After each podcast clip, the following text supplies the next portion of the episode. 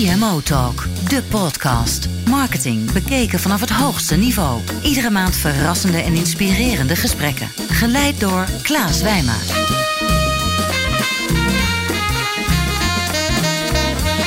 Welkom bij CMO Talk. Ik ben Klaas Wijma van Energize. En uh, vandaag heb ik als gast Elske Vught. En Elske is manager marketing communicatie bij de bierbrouwerij De Koningshoeve in het prachtige Brabant, waar het trappiste bier La Trappe wordt gebrouwen. En Elske gaat ons vandaag meenemen in eh, de bijzondere wereld van bier.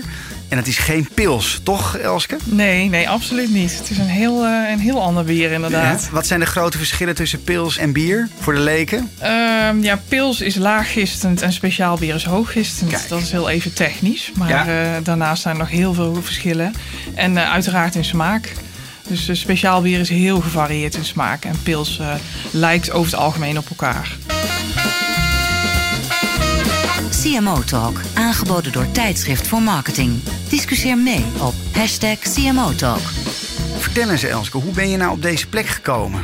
Ja, dat was eigenlijk een uh, toevalstreffer. Mijn achtergrond is uh, food en business en met name in salesfuncties. Na een faillissement in 2011 van een marketing-communicatiebureau waar ik destijds zat, had ik als doel om aan de klantzijde te zitten bij een, binnen de food and beverage sector. Omdat ook mijn achtergrond food en business is.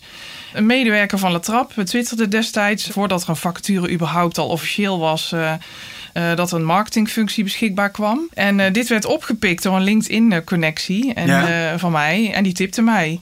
En het voordeel was dat er destijds nog geen sollicitanten waren. Omdat zij net even wat sneller was.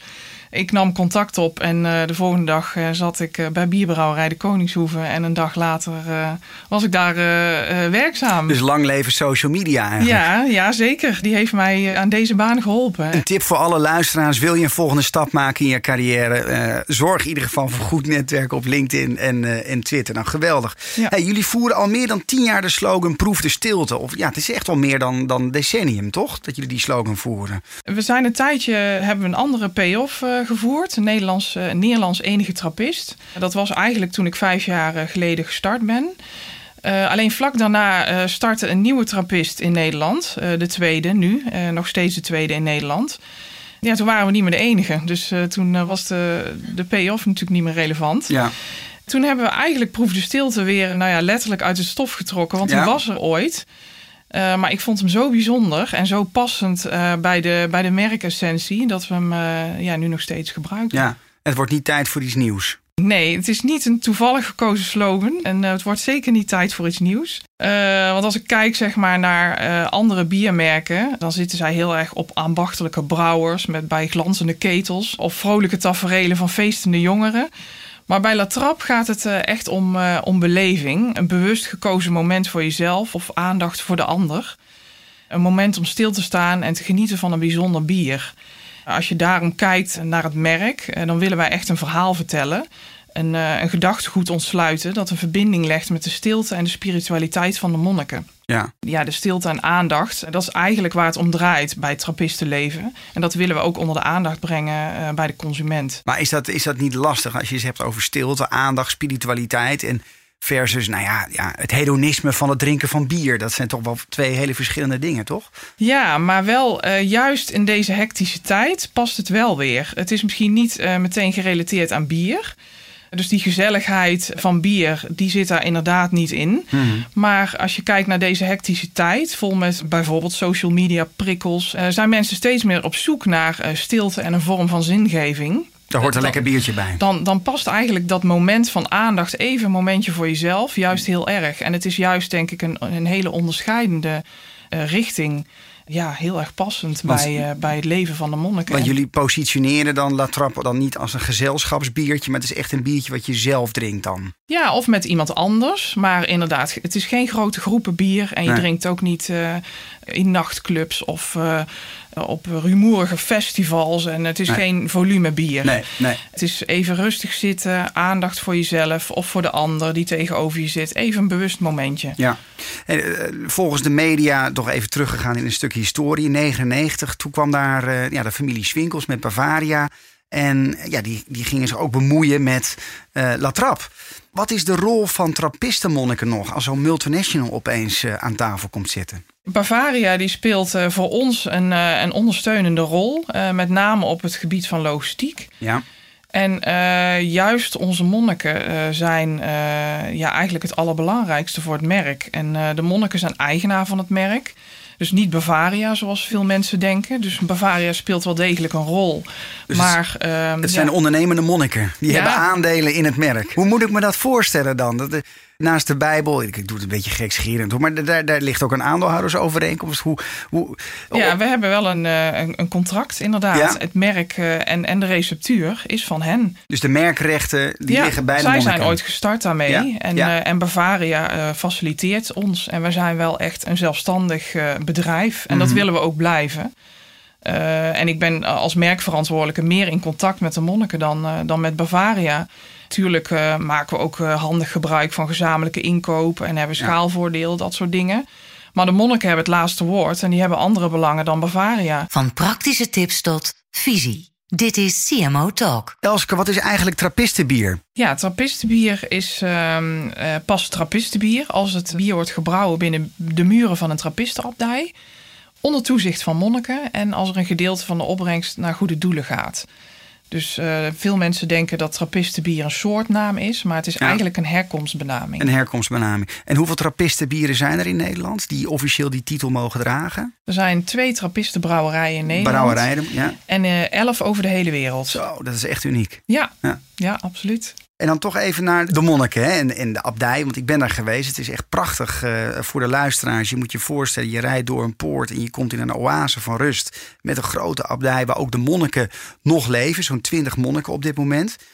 Maar ja, we leven natuurlijk in een, in een, in een drukke tijd. En ieder, ieder googelt. En zo ik ook. Dus ik zat op Google Search Trends te kijken. En ik zie dat eigenlijk abdijmonniken een, ja, een afstervend beroep is. Althans, er is steeds minder interesse eh, voor abdijmonniken. Laat ik, laat ik het zo uh, formuleren. Zit daar niet een risico in dat La Trappe ook met de monniken mee vergrijst? Nee, ik denk het helemaal niet. Uh, mensen vinden het juist helemaal geweldig in deze tijd als ze horen dat monniken nog steeds bestaan. En men is heel nieuwsgierig naar het leven van, van een monnik, juist in 2016. Uiteraard wordt de aanwas bij andere abdijen best dun. Mm. Uh, dat, daar lees je ook veel over. Onze communiteit is wel groeiend. En dat is best wel bijzonder in een tijd dat inderdaad de aanwas juist dun wordt bij andere abdijen. En we hebben ook een redelijke jonge communiteit. De gemiddelde leeftijd is 58 jaar. En we hebben de afgelopen jaren hebben drie nieuwe monniken mogen verwelkomen. Waarbij de jongste begin 30 is. Dus uh, ja, dus vergrijzing. Nou ja. Uh... En hoe gaat het dan, Elske? Neem ons even mee. Uh, stel, ik wil monnik worden. kan ik dan gewoon op de deur bij de abdij aankloppen en ik zeg, nou weet je, ik heb een liefde voor bier en ik vind, nou ja, ik wil ook zingeving met het leven. Dan kom, ik, dan kom ik gewoon bij jullie zo terecht of werkt het niet zo? Ja, nou ik denk dat argument liefde voor bier niet opgaat. Oh, helaas, helaas. Uh, want alleen onze abt is uh, op dit moment zeg maar, uh, verantwoordelijk voor de brouwerij. Okay. En de andere monniken hebben geen aandeel in de brouwerij. Oh, okay. ja, er moet wel een andere reden zijn. Om, je, je, moet wel iets met spiritualiteit right. hebben. Maar in principe ja. kun je inderdaad gewoon aanbellen en aangeven dat je monnik wil worden. En ja, dan ga je een, een traject in en kijken of het iets is wat bij je past. Dus, uh, en daar zitten hele, hele verschillende mensen met hele verschillende redenen ja, komen soort, ons binnen. Een soort assessment. Ja, ja eigenlijk wel, van een aantal jaren. Ja, interessant. We gaan snel naar de eerste stelling. Ja. Over vijf jaar verkopen we meer bier online dan via onze retailers. Ja, ik denk dat dat zo is. Online verkopen groeien nog steeds enorm. En ik denk dat gemak en snelheid steeds belangrijker gaat worden. Hmm. Uh, mits de online verkopers ook goede informatievoorziening kunnen bieden. Uh, onze retailers bieden een hoog niveau online platform aan uh, op dit moment. En ik denk dat het vaak overzichtelijker is voor de consument dan in het schap. Tenminste, dat is een beetje mijn ervaring op dit moment. En zeker als het online platform ook nog inspeelt op de wensen van de consument aan de hand van het kooppatroon, dan is het online uh, in mijn beleving een ideale koopwereld. Betekent dat dan ook dat jullie straks jullie retailers helemaal niet meer nodig hebben? Kan je zo ver gaan als die uh, vraag alleen maar toeneemt dat je zegt van nou, we gaan alleen maar direct aanbieden? Nee, dat durf ik niet te zeggen. Ik denk dat er altijd uh, gevoelsmatig altijd nog wel uh, behoefte blijft aan uh, fysiek winkelen. Hm.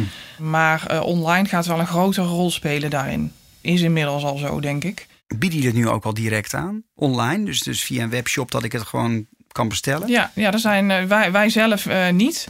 Maar uh, er zijn heel veel webshops die bieren verkopen. Ja. Waaronder ook onze merken. Ja, klopt. En jullie doen dat ook bewust niet op dit moment? Dat jullie dat zelf doen? Nee. Nee, we hebben wel een online kloosterwinkel. Dat is een initiatief vanuit de abdij. Ja. En uh, die zijn heel klein begonnen, anderhalf jaar geleden, met uh, geschenkverpakkingen. Hm. Dus op die manier wordt wel, zeg maar, bier van ons aangeboden. Maar uh, ja, het is ook meer een logistieke overweging om niet meteen ook de bieren en zo online te gaan verkopen. Het zijn innovatieve monniken, als ik het zo ja. online winkels hebben allemaal smartphones. Moderne monniken. Moderne monniken, ja, ja. geweldig. Um, Waar ligt bij jullie de focus, de retail of de horeca op dit moment? En welke ontwikkeling zie je? De focus ligt met name in horeca. Uh, ik ben binnen speciaalbier echt wel overtuigd van de kracht van horeca. Hm. Waarom? ja, omdat horeca toch beleving en, en sfeer brengt. En als je bier in de juiste setting drinkt, dan kan dat een hele belangrijke rol spelen voor je merk. Ja, daarom denk ik dat speciaalbier uh, met name gebouwd wordt in de horeca. En dat het daarom daarna mooi is om aan te bieden in de retail, zodat ja. mensen thuis kunnen drinken. Ja. Maar uh, bij ons ligt de focus op, op, op, op horeca. horeca. Nou, jullie hebben zelf ook jullie eigen proeflokaal. Als, je noemt ook het woord beleving, wat echt een soort van belevingsruimte is om ook het merk te ervaren. Ja. Kun je daar iets over vertellen? Wij hebben inderdaad uh, ons proeflokaal op het terrein. Daar ontvangen wij zo'n 120.000 bezoekers. En uh, die komen of per jaar, per jaar klopt. Die komen of een, een biertje drinken, die komen rondleiding doen, een proeverij. Of even genieten van, uh, van de rust. Want uh, dat is, je komt echt in een andere wereld als je bij ons uh, binnen de muren komt. Daar drink je eigenlijk latrap zoals het zou is. moeten. Ja, ja, ja, inderdaad. Nou, de trend rondom authentiek gebrouwen bier is heel erg groot. Hè. Zie de opkomst van Oedipus, maar ook hier in Amsterdam, brouwerij aan het ei. Uh, we hebben het ook gehad over de Tesselse bijvoorbeeld. Hoe spelen jullie in op deze trends? Ja, wij spelen eigenlijk niet in op trends. Um, ja, wij geloven echt in onze eigen kracht. Ja. En uh, op het gebied van kwaliteit hebben we onszelf inmiddels wel bewezen. Hè. We bestaan al sinds 1884. En uh, ja, we zijn dus eigenlijk een klassieker vergeleken bij de nieuwe brouwerijen. Wel zien we de trend uh, wel positief in. Speciaal bier wordt op de kaart gezet en mensen gaan andere dingen drinken dan pils en wijn. Ja. En uh, daarnaast in speciaalbierwereld gunnen we eigenlijk uh, elkaar ook succes. Dus we doen inspiratie op bij elkaar en praten over bier en, en de biermarkt. En dat is heel anders dan bij de pilswereld, waarbij brouwers nou, zich letterlijk kapot uh, Ja, ik wou niet zeggen, Bavaria en Heineken, dat, dat zijn niet hele grote vrienden, toch? Nee, nee. En ik hoop eigenlijk dat het in speciaalbier niet dezelfde fout uh, gemaakt gaat worden. Mm. Want uh, ik vind het belangrijk om juist gezamenlijk te bouwen aan een mooie categorie. Ja. En vooral van elkaar blijven leren. Dus ja, ik vind het hartstikke goed. Al die nieuwe, nieuwe brouwerijen en mooie initiatieven. Want dat en, helpt jullie ook weer. Absoluut. Ja. En, en hoe boksen jullie dan op tegen al die lifestyle gedreven, multinationale, commerciële concurrenten? Ja, ik denk dat deze concurrenten vaak inspelen op trends en, mm. uh, en korte termijn successen hebben. En uh, ze gaan minder uit van hun eigen kracht en uh, kijken ja, eigenlijk alleen maar wat consumenten willen. Ze richten zich naar mijn idee meer op massa en hebben daardoor minder onderscheidend vermogen en, ja. en kort succes. Ja. Door de massaproductie en digitalisering ja, hebben consumenten steeds meer een verlangen naar ambachtelijke producten. Waardoor afkomst, traditie en authenticiteit steeds belangrijker worden. Ja grote marketing- en salescampagnes, daar prikken mensen doorheen. En uh, ik denk passie en vakmanschap, integriteit uh, niet. Want wie zijn jullie nou, jullie grote concurrenten? Uh, dat zijn met name de abdijbieren, zoals ja, Leffe, Leffe, Grimbergen, Afliegem. En die hebben hun marketingcommunicatie goed op orde? Of zeg je van nou... Ja, die hebben een, uh, naar mijn idee, goede vorm van marketing. Alleen uh, ja, het ligt er te dik bovenop en ja. het is vaak niet echt. En uh, ik denk dat wij ons daarin onderscheiden, omdat ja, ons merk is echt. En wij blijven heel dicht bij onze eigen kracht. Dus en authenticiteit denk, is heel erg belangrijk. Ja, ik denk dat uiteindelijk consumenten dat wel heel belangrijk ja. vinden. En ja, daardoor heen prikken als het niet zo is. Van praktische tips tot visie. Dit is CMO Talk. Tweede stelling. Reclame is een stervend beroep. Nee, dat denk ik niet. uh, het omveld is alleen veranderd. Ja. En uh, mensen worden de hele dag uh, geattendeerd door allerlei middelen en kanalen op allerlei fantastische diensten en producten. Mm. Maar wat blijft daadwerkelijk hangen en wat leidt tot een aankoop? En ja, dat is dus wel veranderd. En aandacht is in deze tijd eigenlijk schaarser geworden. Maar oprechte en juiste aandacht geven blijft naar mijn idee wel de sleutel tot een duurzame relatie. En ik denk dat mensen zich moeten eh, herkennen in een boodschap en dat het relevant moet zijn of het hen moet raken. En uh, dan pas blijft de boodschap hangen en uh, is er een interesse. En als het dan ook nog op het juiste moment is, dan zou het tot een aankoop kunnen ja. komen. Het is wat ingewikkelder geworden voor marketeers. Ja, ik denk uh, dat het zeker niet een stervend beroep is. Jij als expert, want je zegt van nou goed, hoe, hoe belangrijk authenticiteit is. De, de wereld verandert om ons heen. Kun je een voorbeeld noemen van een merk waar je zegt van nou, poh, die doen het nou echt goed. Die blijven heel erg dicht bij, bij de kern van wie ze zijn. En uh, ja, weten op die manier ook de aandacht te verdienen. Ja, ik vind uh, Rituals daar een heel goed voorbeeld van. Rituals blijft op een consequente manier uh, uitgaan van hun eigen kracht, al Hmm. jaren. Ze zijn inmiddels heel groot geworden, maar het voelt nog steeds als klein en authentiek. Ja. En uh, ja, ik vind hun boodschap gewoon heel erg sterk en heel erg relevant. Ja. Ik vind Rituals zeker wel een mooie inspiratiebron voor ons merk ook. En Zitten er ook parallellen in als je kijkt naar jullie merk en, en de aanpak van Rituals? Ja, er zit ook wel een stukje spiritualiteit in. En, Ja. uh, maar ik denk met name ook de relevantie die je in je merk stopt. En uh, consequentheid in de manier van uitingen. Het blijft. Ja, en wat doen ze dan om relevant te zijn? Ja, zij zijn natuurlijk, uh, hun boodschap is om alledaagse momentjes, uh, om daar een vleugje luxe aan toe te voegen. En het daardoor relevant te maken voor de consument. En ja, ik denk dat ze daar heel goed in slagen, omdat het inderdaad dus alledaagse uh, producten zijn. Maar het net even wat rijker maken, waardoor het gewoon aanspreekt bij de consument van nu. Ja. En de consument wil ook wat rijker en wil ook een verhaal en wil beleving bij een product. En Ja. uh, ik denk dat dat wel heel erg uh, ja, van nu is. Facebook en Monnikenbier, past dat wel bij elkaar? Uh, ja, wij gebruiken natuurlijk Facebook. En voor ons is het een middel om in contact te staan met onze klanten en met onze consumenten. We doen uh, niet aan advertising en zien het kanaal echt als, als ondersteuning van ons verhaal. Dus jullie content wordt niet gepusht. Nee. Maar nee. wordt het dan wel bekeken? Want ja, Facebook wordt steeds meer een, echt een, ja, een mediamagnaat. Hè? Dus eigenlijk zonder dat je je content ook aanjaagt met wat commerciële media erachter, dan kijken mensen toch niet? Ja, nee, nou ja, toch wel. Ja? En uh, we plaatsen af en toe wel wat. Mensen vinden het toch interessant om op de hoogte te blijven. Maar we, we doen daar nog niet actief iets mee. Ik zeg niet dat we dat niet gaan doen. Ja, op dit moment uh, is, gebruiken we het nog niet actief. Nee. Um, het past wel bij elkaar. Het past zeker bij elkaar. En zeker uh, ja, als je kijkt naar onze monniken, die gaan ook mee met de tijd. En uh, we hebben een abt, die, die twittert zelf. Ja, en die lijkt ook jullie content. Ja, nou ja, ja die oh. houdt ook ja. inderdaad in de gaten. En ja, ja we, hebben, we hebben inmiddels best wel wat volgers. Uh, zonder dat we reclame maken. En uh, dus ja, mensen zijn toch wel geïnteresseerd naar de achterliggende gedachten van het merk. Ja. Dus wij moeten daar in de toekomst wel iets mee gaan doen. Maar we zullen dat nooit op een pusherige manier gaan doen. Elske, eh, ook wel interessant, want jullie maken ook jullie eigen media, heb ik begrepen. Eh, Zo brachten jullie vorig jaar een eigen glossy uit. Ja, dat was een initiatief vanuit, vanuit de monniken. En uh, zij hebben inderdaad een glossy uitgebracht. Stil leven heet die. Ja, en wat staat daarin? Er is dus blijkbaar toch heel veel behoefte aan informatie over het leven van de monniken. Ja. En we kregen daar veel vragen over. Uh, ook vanuit het merk, maar ook uh, vanuit, uh, vanuit de abdij. Als mensen daar in retraite gaan, hadden mensen heel veel vragen aan monniken. En zij kunnen natuurlijk ook niet 24-7 klaarstaan. Dus toen is het idee inderdaad geboren om een middel te maken waarbij die informatievoorziening er zou zijn. En onze monniken die wilden dat toch een beetje op een, ja, op een moderne manier doen. Wel, en ja. Uh, ja, het is een uh, heel succesvol uh, blad nu. Ja. En het is een eenmalige uitgave. Kan je hem bestellen bij jullie? Hij is via de online kloosterwinkel te bestellen. Is het te, is te ja. bestellen? Geweldig. Ja. Nog even een persoonlijke vraag. Je bent nu vijf jaar werkzaam bij La Trappe. Een aantal wapenfeiten op je naam staan.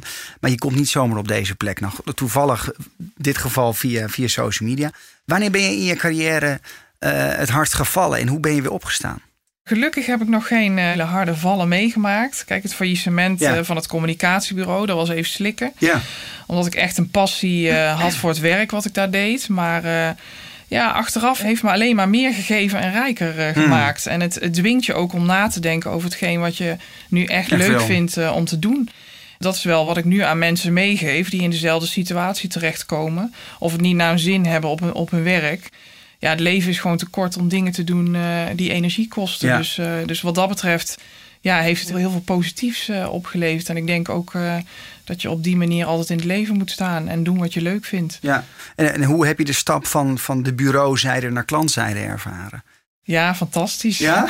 ja, ja, dat was mijn wens en ja, is uitgekomen. En ik vind het heerlijk om aan die kant te zitten. En ja, eigenlijk uh, een, een merk te managen. En uh, ja, het is een soort kind geworden hè, die je dan beheert. Ja. En uh, ja, ik vind het hartstikke leuk om daar verantwoordelijk voor te zijn. Wat, wat zijn nou de grote verschillen waarvan je zegt, ja, dit, dit, dit maakt het voor mij zoveel interessanter, mijn vak? Toch wel echt die verantwoordelijkheid te hebben over dat merk. En ook het in de markt terug te zien. Dan ben je toch trots de dingen die je, die je maakt. Ja. Die zie je ook letterlijk terug. De en, zichtbaarheid. ja, ja, dus dat vind ik wel heel, heel leuk om te zien.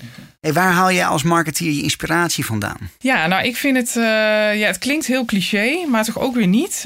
Ik vind het heel belangrijk om met mijn voeten in de klei te staan. En dat betekent dat ik regelmatig contact heb met klanten en met consumenten. En dat is natuurlijk makkelijk praten hè, als je werkt in de speciaalbierbranche, uh, waar werk en hobby eigenlijk veelal door elkaar lopen. Maar ik vind het heel belangrijk om met collega's te praten. En hmm. van, van salesmensen tot mensen in de bottelerij.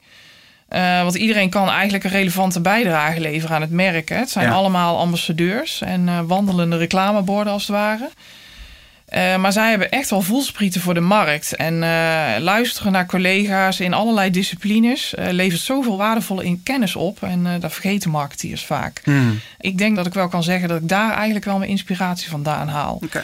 En verder bezoek ik ook graag andere brouwerijen. Dus van elkaar leren. Wat ik al eerder gezegd heb, is, is ook wel heel belangrijk. Dat je gewoon leert van, van andere marketeers bij brouwerijen. En dat kan ook gewoon binnen speciaal bier. Ja, dat is leuk. Dat is toch wel heel bijzonder dat je ook de deur openstelt voor concurrenten. En, en kom hier inspiratie halen en vice versa. Dat is wel echt uniek. Ja. Een beetje een nieuwe manier van zaken ja, doen, toch? Ja, ik vind, uh, ik vind dat heel bijzonder. Beetje de, over, de theorie van de overvloed. Ja. We delen de markt en uh, geweldig. Welke marketingontwikkelingen zitten jullie nog in het vat? We zijn druk bezig met de nieuwe plannen.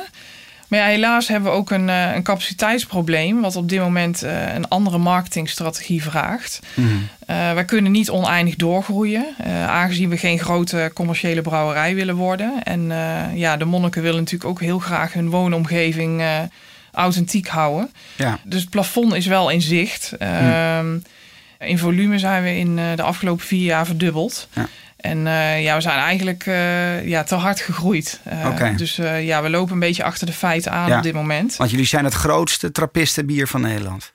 ja, dat sowieso. Ja, en we zijn ook de grootste speciaal, speciaal brouwerij. Klopt. Ja, op dit moment inderdaad in Nederland. En, maar is dat niet een uitdaging om die positie te behouden? De markt groeit, je ziet het als trend.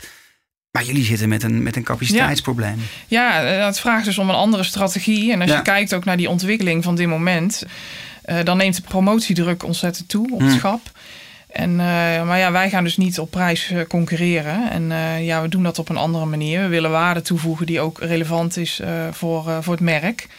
Maar wacht even, je zegt van in deze tijd, hè, supermarkt, dus het was vorige week nog Coca-Cola uit te schappen. Hè, dus het was een oorlog, volgens mij met Jumbo en Coca-Cola. En er komt een, een category manager zegt van... joh, maar luisteren, de bier moet in de promo. En jullie zeggen, dat doen wij gewoon niet aan mee. Nee, doen we niet Met als risico dat het gewoon van schap gaat. Ja, klopt. Ja, dat klinkt een beetje arrogant. Maar ja, we hebben ook geen keus. Want uh, ja, we hebben nu die luxe ja, om, onze, om ons volume zeg maar, op een andere manier uh, in te delen. En uh, ja, wij, wij willen echt ehm, waarde toevoegen voor het merk. Ja. En daar past geen prijspromo's in. Nee. Nee, en uh, ja, als ik kijk ook naar onze exportlanden. In het verleden leverden aan iedereen die naar ons bier vroeg. Wat resulteerde uh, dat we op ons hoogtepunt uh, naar ruim 50 landen exporteerden. En dat kan nu niet meer. En daarom zijn we ook kritischer geworden. En werken we alleen nog maar met importeurs die ons merk bouwen. In plaats van uh, alleen maar dozen schuiven. Okay. Dus het is gewoon, uh, ja, we moeten echt schuiven in, ja. onze, in onze hectoliter. Nou ja, dat is ook wel weer een voor dat je zegt van nou, we hebben een bepaalde capaciteit. Dus we kunnen ook kritisch zijn hoe we, ja. hè, met welke partners we ja. gaan samenwerken of niet. Laatste stelling. Marketeers moeten meer sturen op feiten en minder op intuïtie. Ja, ik denk het niet. Ik ben uh, niet tegen onderzoek, absoluut niet. Maar uh, tegenwoordig kunnen marketeers ook overdrijven. Mm. En uh, onderzoek moet je doen om af en toe te toetsen of je intuïtie je niet in de steek gelaten heeft. En daarnaast denk ik dat onderzoek een uitkomst is als je twijfelt over bepaalde routes of producten. Ja. Om alles op feiten te doen is echt onzin. Uh, marketeers die alles onderzoeken zijn naar mijn idee onzeker en uh, staan niet met hun voet in de klei. Ja, ja, ja. letterlijk.